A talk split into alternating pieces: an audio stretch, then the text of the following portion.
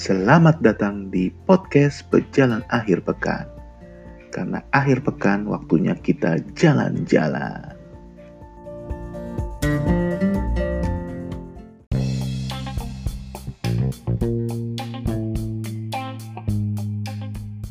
Oke guys, sobat pejalan akhir pekan, kita kembali lagi di podcast Pejalan Akhir Pekan.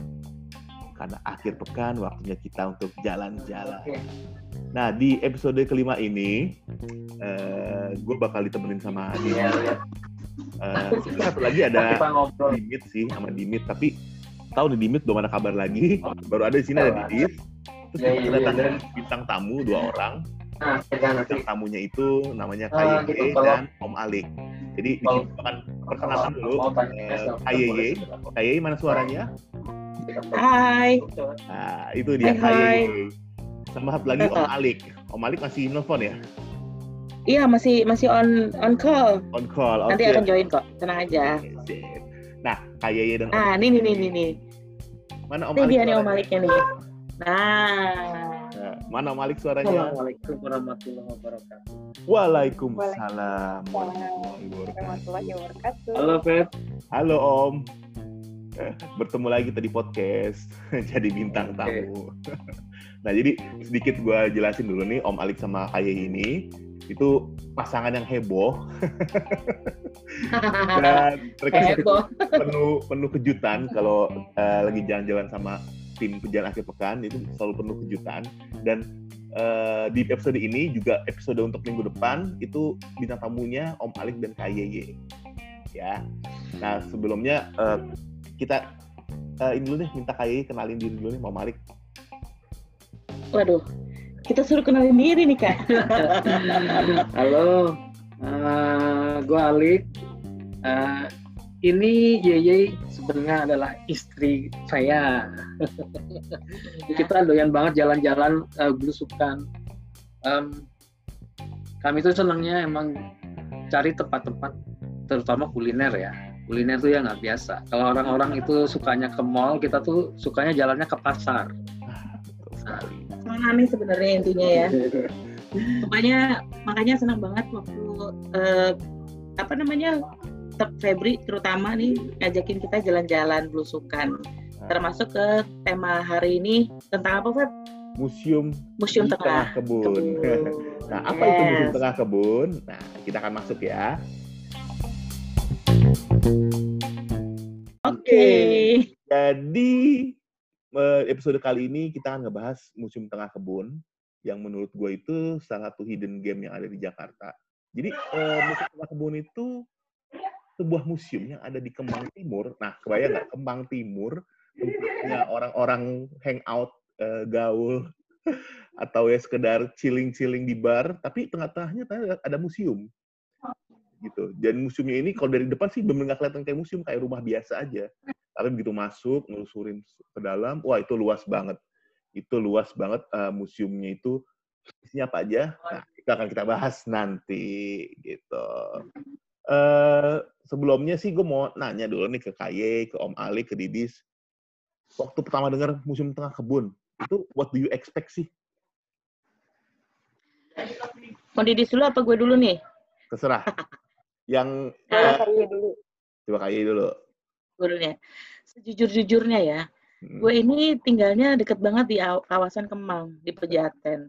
Eh, itu Tapi baru pertama kali tahu tentang bahwa ada museum tengah kebun di Kemang, itu justru datangnya dari Febri. Malu saya sebagai Jakarta Selatan ya. Tapi emang Febri mah yang megang yang megang Jakarta ya kayaknya Feb ya. Nggak juga Iya. Eh, Enggak baru juga. tahu gitu. Tapi ternyata iya, tapi ternyata it's amazing loh. Maksudnya eh, di tengah-tengah kota, di Hmm. tengah-tengah ya itu tadi yang Febri bilang gitu, ada ada kafe lah, ina ini ina itu ternyata ada sesuatu ada suatu tempat yang luar biasa gitu, keren banget, keren banget, bener-bener. Dan itu kalau dari depan tuh kelihatannya kecil, cuma gerbang doang ya. Begitu Mm-mm. masuk ala kazam, gile. Karena naik mobil kadang-kadang suka kelewatan, muternya susah. Soalnya kan Ah, iya benar benar benar. Iya.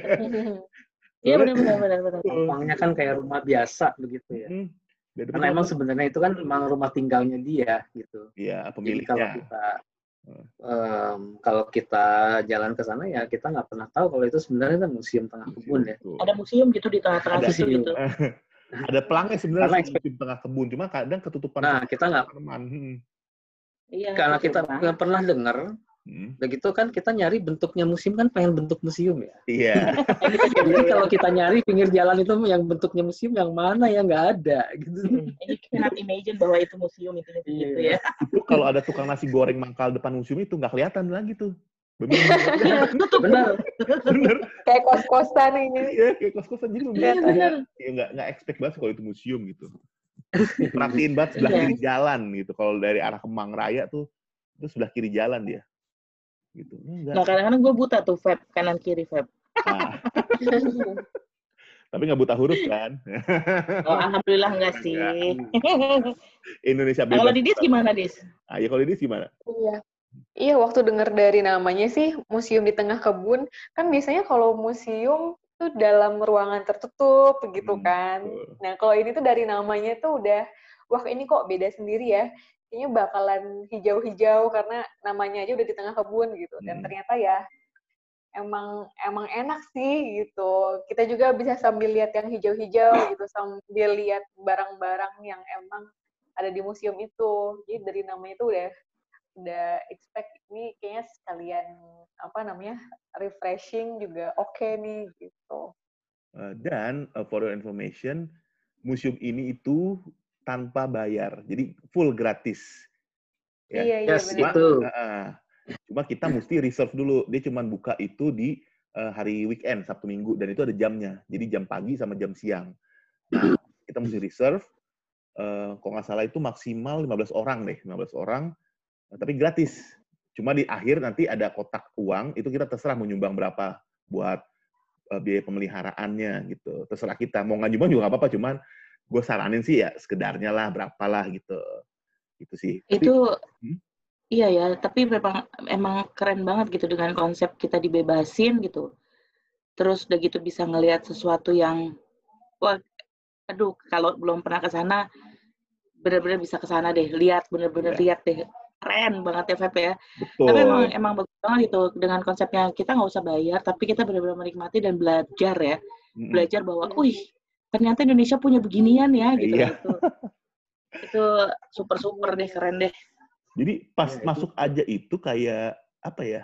Kayak kita masuk ke satu dunia baru yang ya itu di tengah deru-deru debu sih, deru-debu. Jalanan depan kan Tahun berapa sih lahirnya? Berdebu loh dia bahasanya. masuk kayak ijo-ijo, jalanan lurus, itu tiba kayak ada pintu Jawa-Jawa gitu kan, arsitektur Jawa. Mm.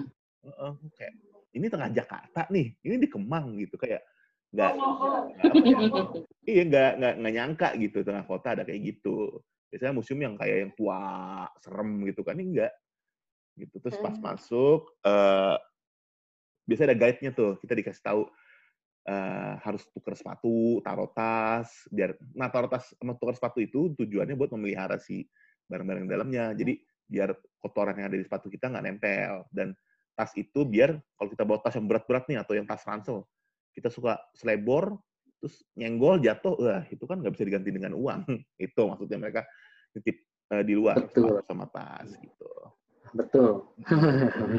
kalau gue sih merasa itu feels like home ya kalau masuk ke ini. Nah, karena gue sendiri juga emang eh, seneng banget sama barang-barang antik ya. Terus barang-barang yang langka. Waktu masuk ke sana tuh kayak pengen kayak pulang ke rumah rasanya. Hmm.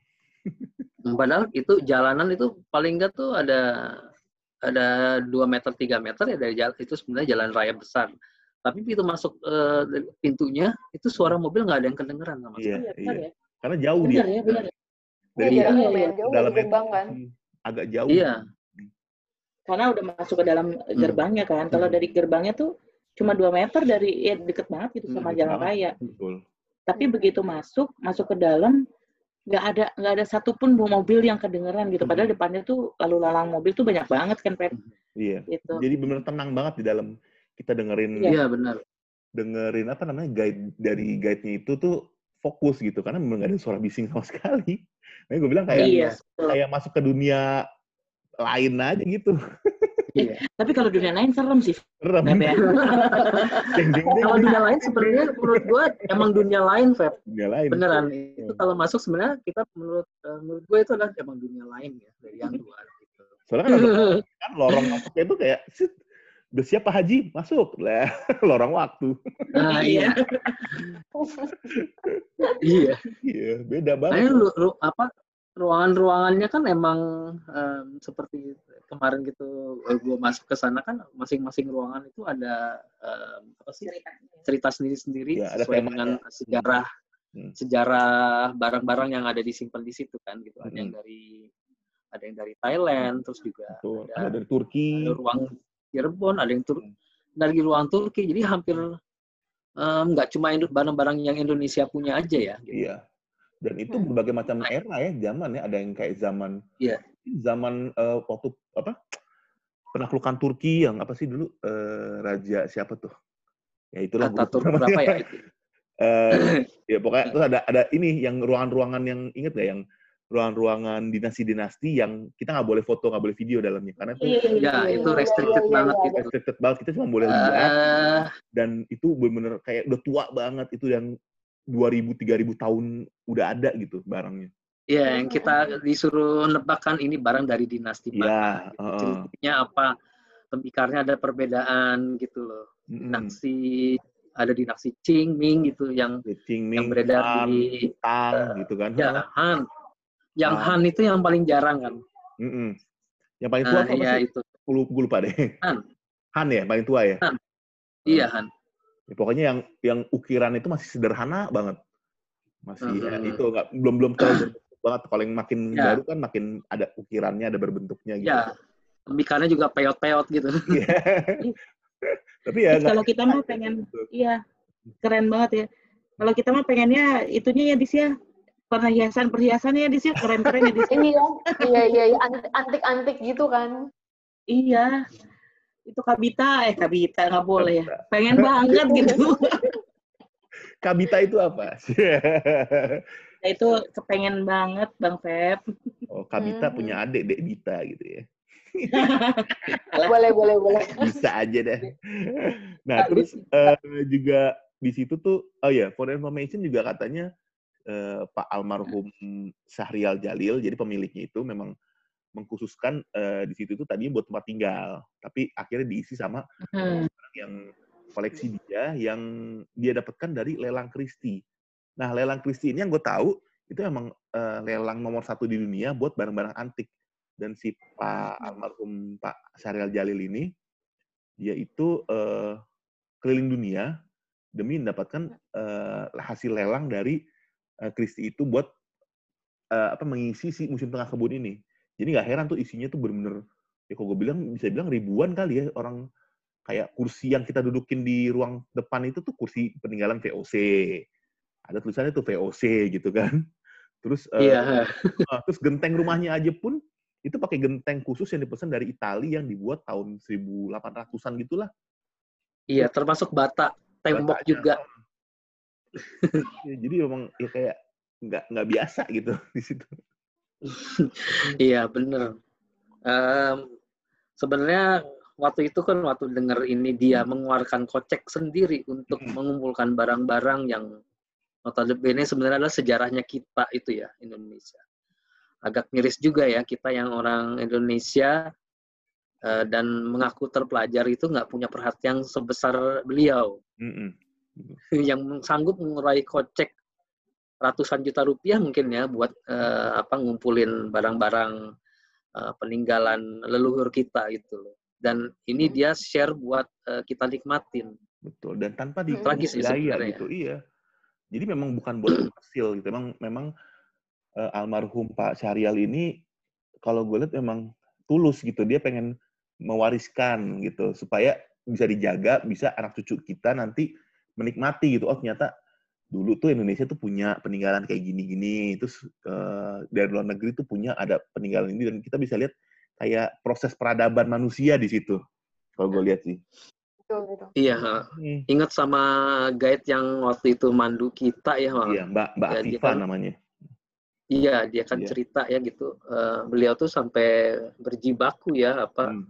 berebut sama orang luar Iya. buat buat barang yang sejarahnya be- padahal besar di kita itu tapi berebut sama orang- orang luar gitu. Ya, yang punya orang luar akhirnya dibeli lagi kan buat kayak Iya, membalikin ke negara kita gitu, ke bangsa kita. iya. Yang inget nggak? Ah, ini coba ingetin gue deh. Dia itu sempat nuker eh, rumahnya yang di Australia bukan kan? Di Australia Oh, iya, kan? bukan guling sama satu barang. Ingat nggak? Iya, iya, itu bukan, barang apa ya? Bukan rumah waktu itu eh, apartemen. Apartemen. Apartemen. Apartemen. Apartemen di Australia eh, akhirnya Tuker guling. tukar guling sama gue juga lupa sih barangnya apa tuh pokoknya kayak kayak Ah, patung itu. Nah, itu. kayak patung Nah, ada yang ada yang bisa bantu nggak tuh barang apa Iya, yang ditukar waktu itu ya? nah ini buat Apa sobat apa malah dirahasiakan kita nggak dikasih tahu lupa deh. nah, buat Iya nggak sobat sih? yang akhir Gitu. pekan yang pernah ke sana gitu atau ya Nah. mungkin Kalau Dari pernah pihak- tahu, eh, eh, pihak musim akhir pekan. Eh musim akhir pekan lagi. Musim tengah kebun. Hmm. kalau mau bantu kita me- merefresh kembali ingatan kita. Jadi kita eh, kaget tuh waktu itu. Jadi ada satu barang eh, yang Hmm. harganya itu sampai satu apartemen di Australia Pak. Eh, Sahrial itu berani buat eh, menukar Hmm. dengan satu barangnya. Karena kita lupa tuh barangnya apa. Ya beliau itu kalau nggak salah di Christie eh, kalah kalah ya gitu. Terus barang itu emang jatuh ke orang lain Hmm. dan dia kejar orang itu dan terus eh, ini ya terus terus dikejar ya. Akhirnya ya dia harus merelakan apartemennya untuk tuker sama barang ini. Amazing banget ya. Iya. Iya. sampai segitu loh gitu. Kalau nggak salah itu juga awal dia jadi mendirikan uh, museum tengah kebun ya. Tahun berapa itu katanya? Eh, Museum tengah kebun emang bener-bener masih di tengah kebun waktu itu katanya. Betul. Yang gue tahu sih dari tahun 90-an awal tuh udah dibuka. Cuman mungkin memang karena bukan komersil, jadi soundingnya kurang. Maka bahkan gue yang di tinggal di Jaksel dari kecil aja nggak tahu gitu. Baru tahu eh awal Um, mulai dia mulai dia baru share itu bukannya 2009 ya. Eh, tapi Pak Tapi dia emang Oh. mulai mengumpulkannya emang Ya. udah lama. dan dia mulai pindah ke situ buat jadi tempat tinggal tuh kalau nggak salah tahun 93 deh. Nah, tapi dia baru memang buka museum itu buat umum tahun 2000-an, 2000-an, 2005 kalau nggak salah. Iya. Tuh, heeh. Tapi emang bersyukur banget waktu itu kita ke sana itu pas lagi momentumnya itu dia ulang tahun, Ya, Dan- itu banget. Bapak tuh masih masih ada gitu loh. Masih Jadi ada. kita masih bisa ketemu. Wah, keren ya. Iya. Itu, eh, sorry to hear that banget sih.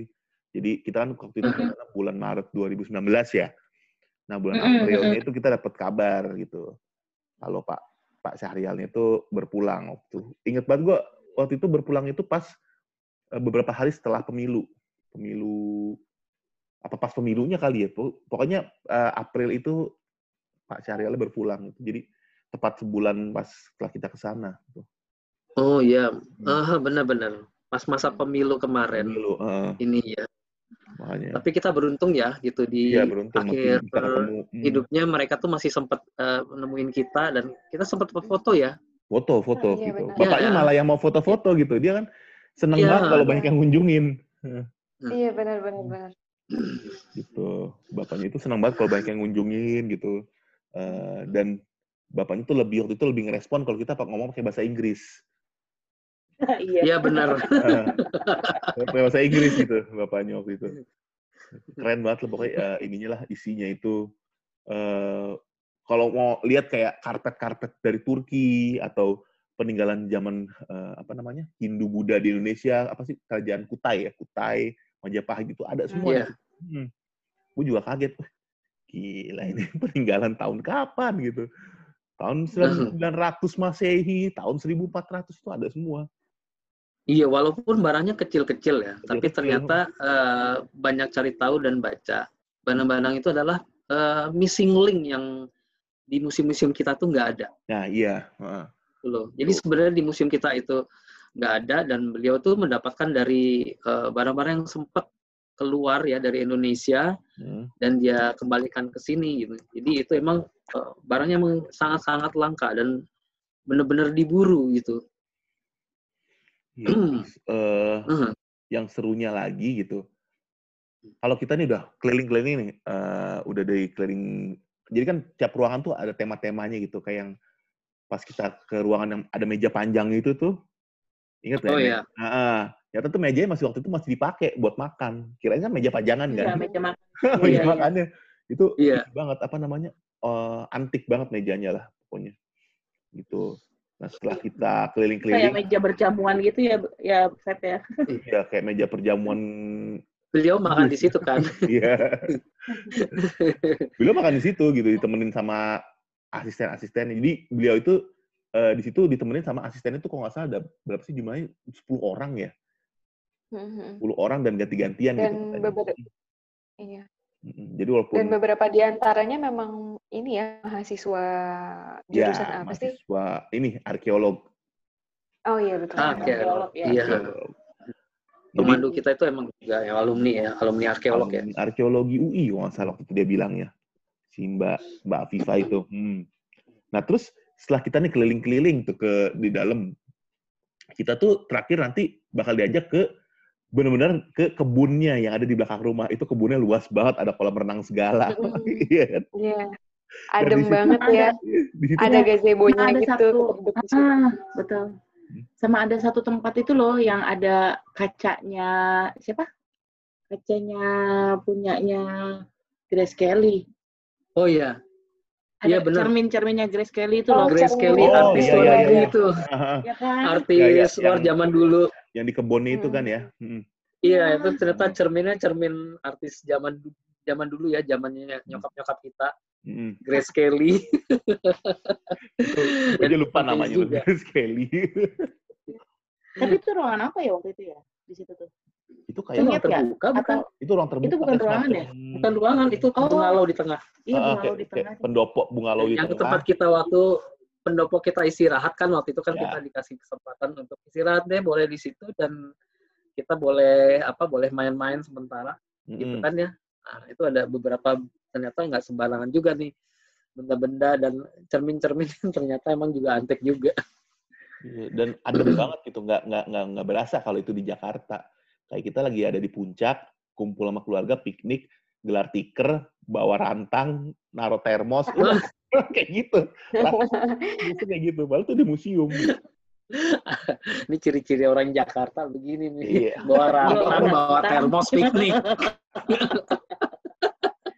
Ya mohon maaf ya, hari ini kan lagi belum boleh piknik ya. Iya itu dia, makanya kita kangen banget nih buat piknik, buat jalan-jalan gitu. Malah yang dibuka di mall. Aduh, kita tuh sebenarnya nggak terlalu pengen banget ke Iya. mall. Heeh. Justru kayak gini-gini Tapi kita nggak bisa piknik di museum situ ya. nggak bisa. Di museum mana pun nggak bisa piknik. Nggak bisa. Tapi feels-nya tuh kayak lagi piknik gitu. Enak banget deh. Ya, Gitu. betul. Terus Ya. di situ juga banyak eh, patung-patung yang bisa diajak foto. Ada patung apa tuh? Ganesha gitu-gitu kan bisa diajak foto. Terus Oh iya ya. Nah, Oh. itu Ganesanya ada cerita sebenarnya itu. Ganesanya Gimana itu yang di kebun itu di tengah-tengah. ah, Kalau malam itu dia tidur. Iya benar. Itu cerita kalau malam dia tampaknya seperti tidur. hmm, Ya ini cerita Oh, iya. betulan kok. Eh, iya, kirain tadi mau ngejok. sempat diceritain sama Mbak siapa itu waktu itu kan gue sempat Bener ya? ngobrol sedikit dan dia cerita juga ini kalau malam eh, Ganesanya itu kelihatan terlihat seperti tidur Oh, gitu. Bukan rebahan kan dia ya. bukan Gua bukan nggak nggak tahu. rebahan tapi terlihat seperti Rebahan. tidur. kirain tadi mikir gini mau punchline. Dia kalau malam tidur, ntar kalau udah pagi tiba-tiba bangun terus meletekin badan. Oh itu mah banget gua diri lagi. Horor.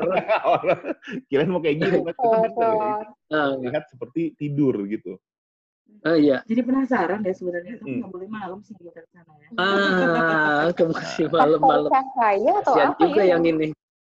Nah, itu dia. Nah, Kita ke sana cuma bisa pagi sama siang. Jadi kalau Iya, pagi itu jam 9 sampai jam 12, yang siang itu jam 1 sampai jam 3 atau jam 4 gitu.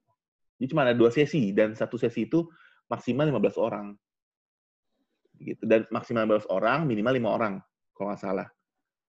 Jadi memang Iya. benar Oh kayak lima orang masih boleh ya kemarin ya? lima orang, minimal 5 orang, eh, maksimal 15 orang. Dan eh, Maksimal 15 orang itu Mereka- maksimal.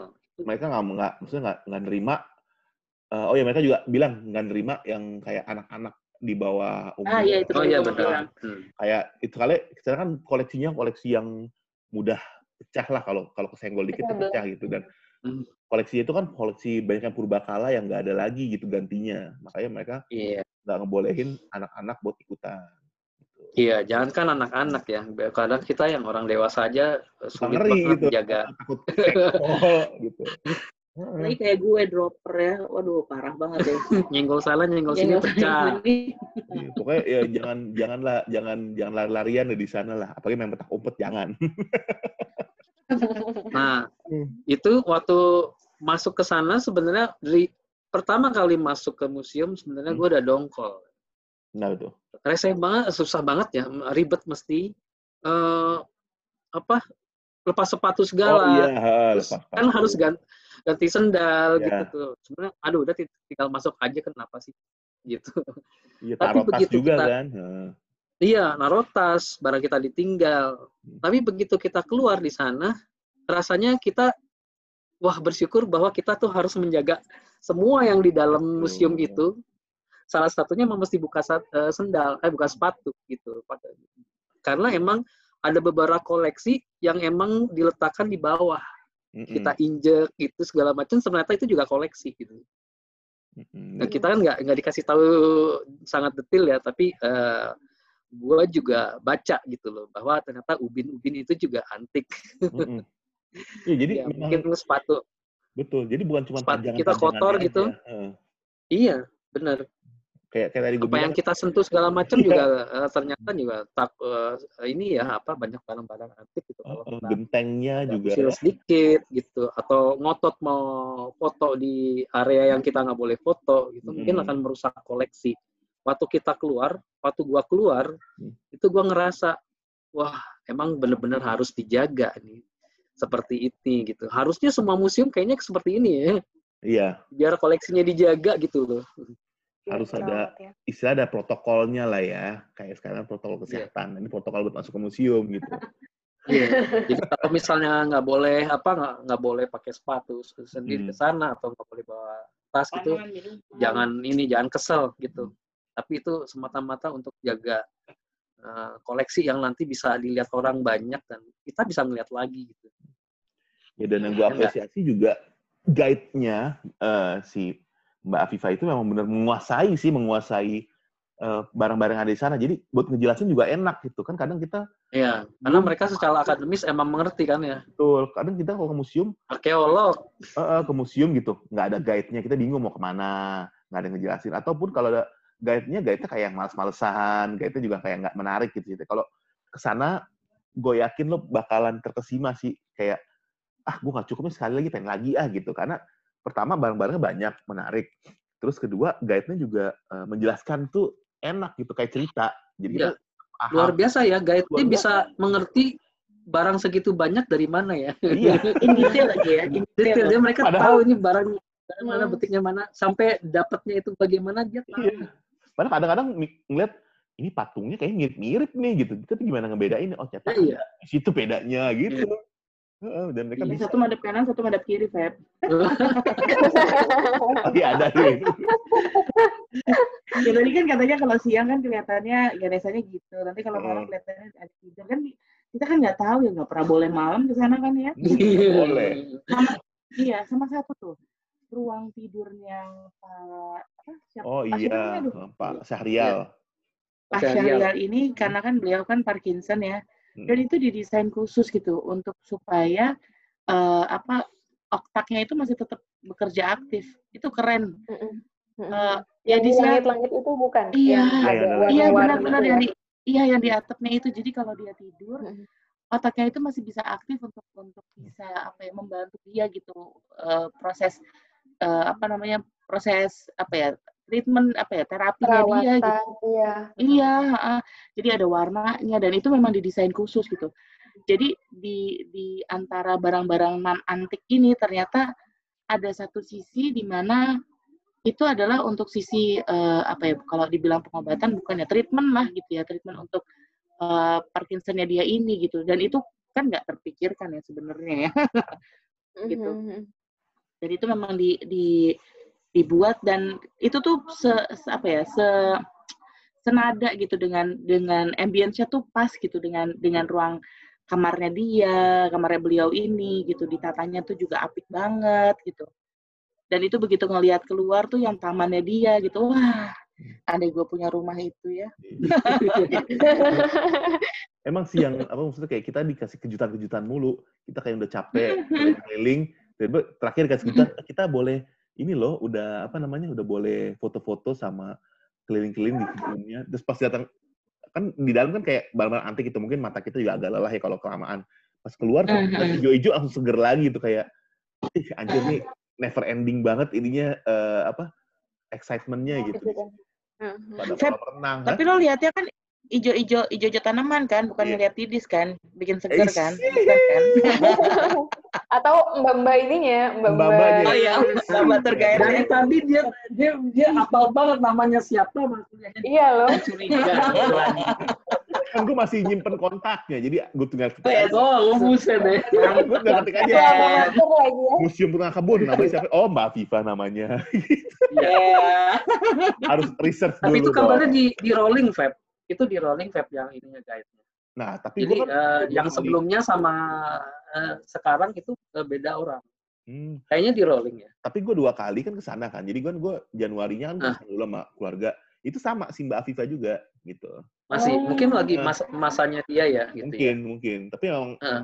ngebawain itunya sih enak banget ya ngebawain cerita apa uh, ngebawain alurnya itu enak gitu dan hmm. hafal gitu ininya uh, apa hmm Mm, dari masa ke masa. Terus dia juga suka ngasih kayak quiz-quiz gitu kan. Ada yang tahu nggak ini dari zaman apa, zaman apa gitu. Kita waktu bak. Oh ternyata bukan zaman ini. Gitu. Jadi enak oh, banget. Iya. Interaktif. Dia, interaktif sebelum ya. kita masuk kan dia suka nanya, uh, suka nanya kan, udah pernah ke sini belum? Nah, iya. Kalau belum terus dia ngasih uh, ngasih clue apa teka-teki apa waktu itu. Nah, ya, iya. barang apa ya?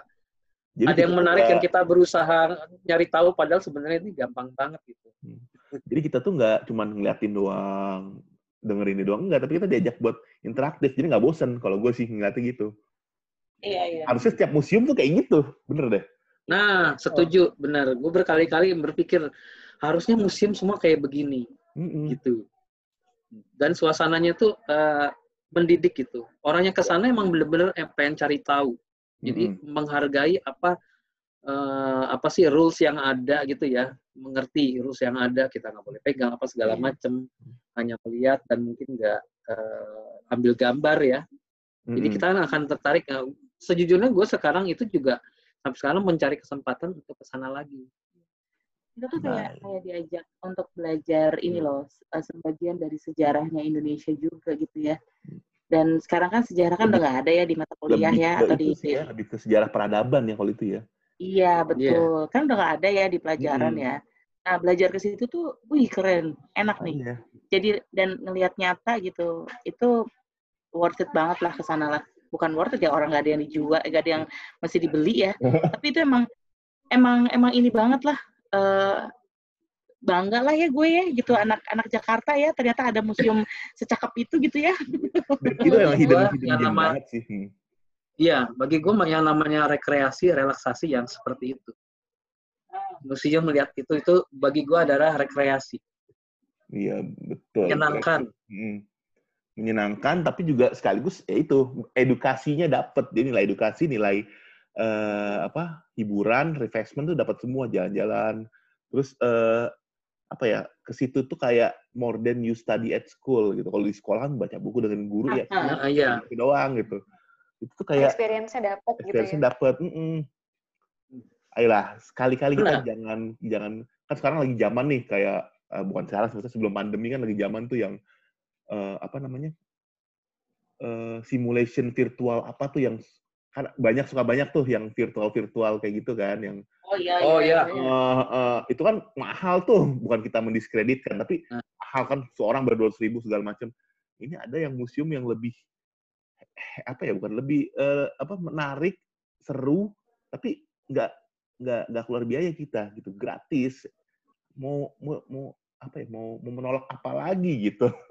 Kalau gue bilang ah, gini, kita nggak bisa nolak. lagi yang kau dustakan ya. Nah itu udah gratis uh, apa dapat ilmu dapat wawasan. dapat wawasan bisa rame-ramean sama temen.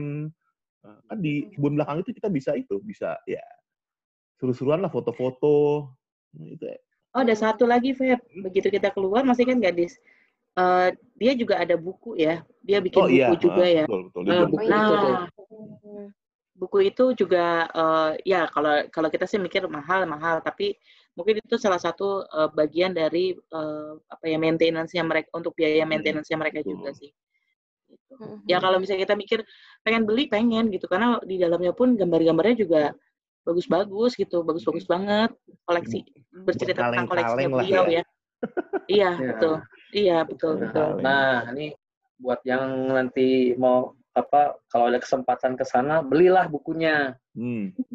Mari ya kita supaya bantu supaya pelihara. museumnya jalan terus dan terus bisa dan di maintain barang-barangnya terus gitu betul bisa di apa di kasih tahu ke orang-orang banyak jadi beli ya Ini, ini bukan endorse ya.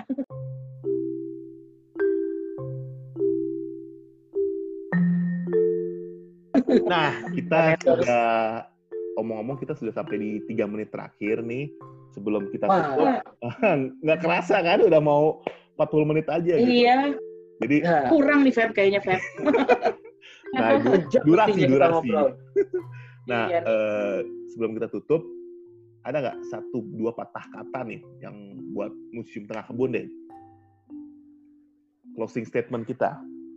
sepatah kata dua kata Mm-mm. yang jelas luar biasa Nah, itu kata Om Arik luar biasa. Kalau kayak gimana? Amazing lah pokoknya. Kami Sama aja ya. Aja. Ya, bisa tahu lagi karena karena emang itu luar biasa banget, Bang Feb. Ya. Betul, Kalau. Didi apa Dis? Jadi siapa? Kalau aku wawasan, um, juga experience, juga refreshing. Hmm, Tiga kata aja. Paket lengkap ya? paket lengkap. Dis. Paket lengkap. Paket lengkap. Kalau gua sendiri sih never ending excitement ke situ, bener deh. Dari Uh, mantep, Bang. akhir, Itu gua nggak ngerasa bosen sama sekali gitu. Kan biasanya kalau musim tuh awal betul. seru makin lama ke dalam ya Ya. ya akhir gitu. Sih kayak anjir abis ini dapat apa lagi? Anjir abis ini apa lagi? Apa lagi? Gitu.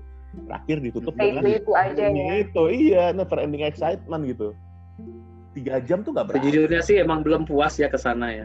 Ya, mungkin emang nggak pernah puas kata Febri bener. Betul betul. Ya pengen Benar, gua benar, udah dua kali loh gua, gua ke sana tapi ya kayak masih excited banget malah gue sama-sama aja. Karena kita bikin yang ketiga ya Feb ya. Iya, tenang.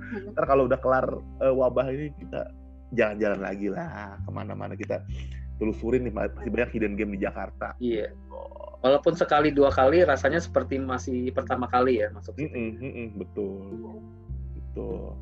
Nah, oke. Iya. Kalau gitu sayang sekali kita harus berpisah dulu di episode kali ini. Thank you banget Oh, Dede dan Om Alik yang udah gabung. thank you juga, thank you juga, sama-sama. Thank you. Ya, jangan Om lupa Alik, pokoknya kita tetap stay safe, stay healthy, tetap dengerin terus podcast eh, Pejalan Akhir Pekan eh, di episode ini dan episode-episode selanjutnya. Karena akhir pekan waktunya kita untuk jalan-jalan. Oke? Jangan. Ada semua. Iya.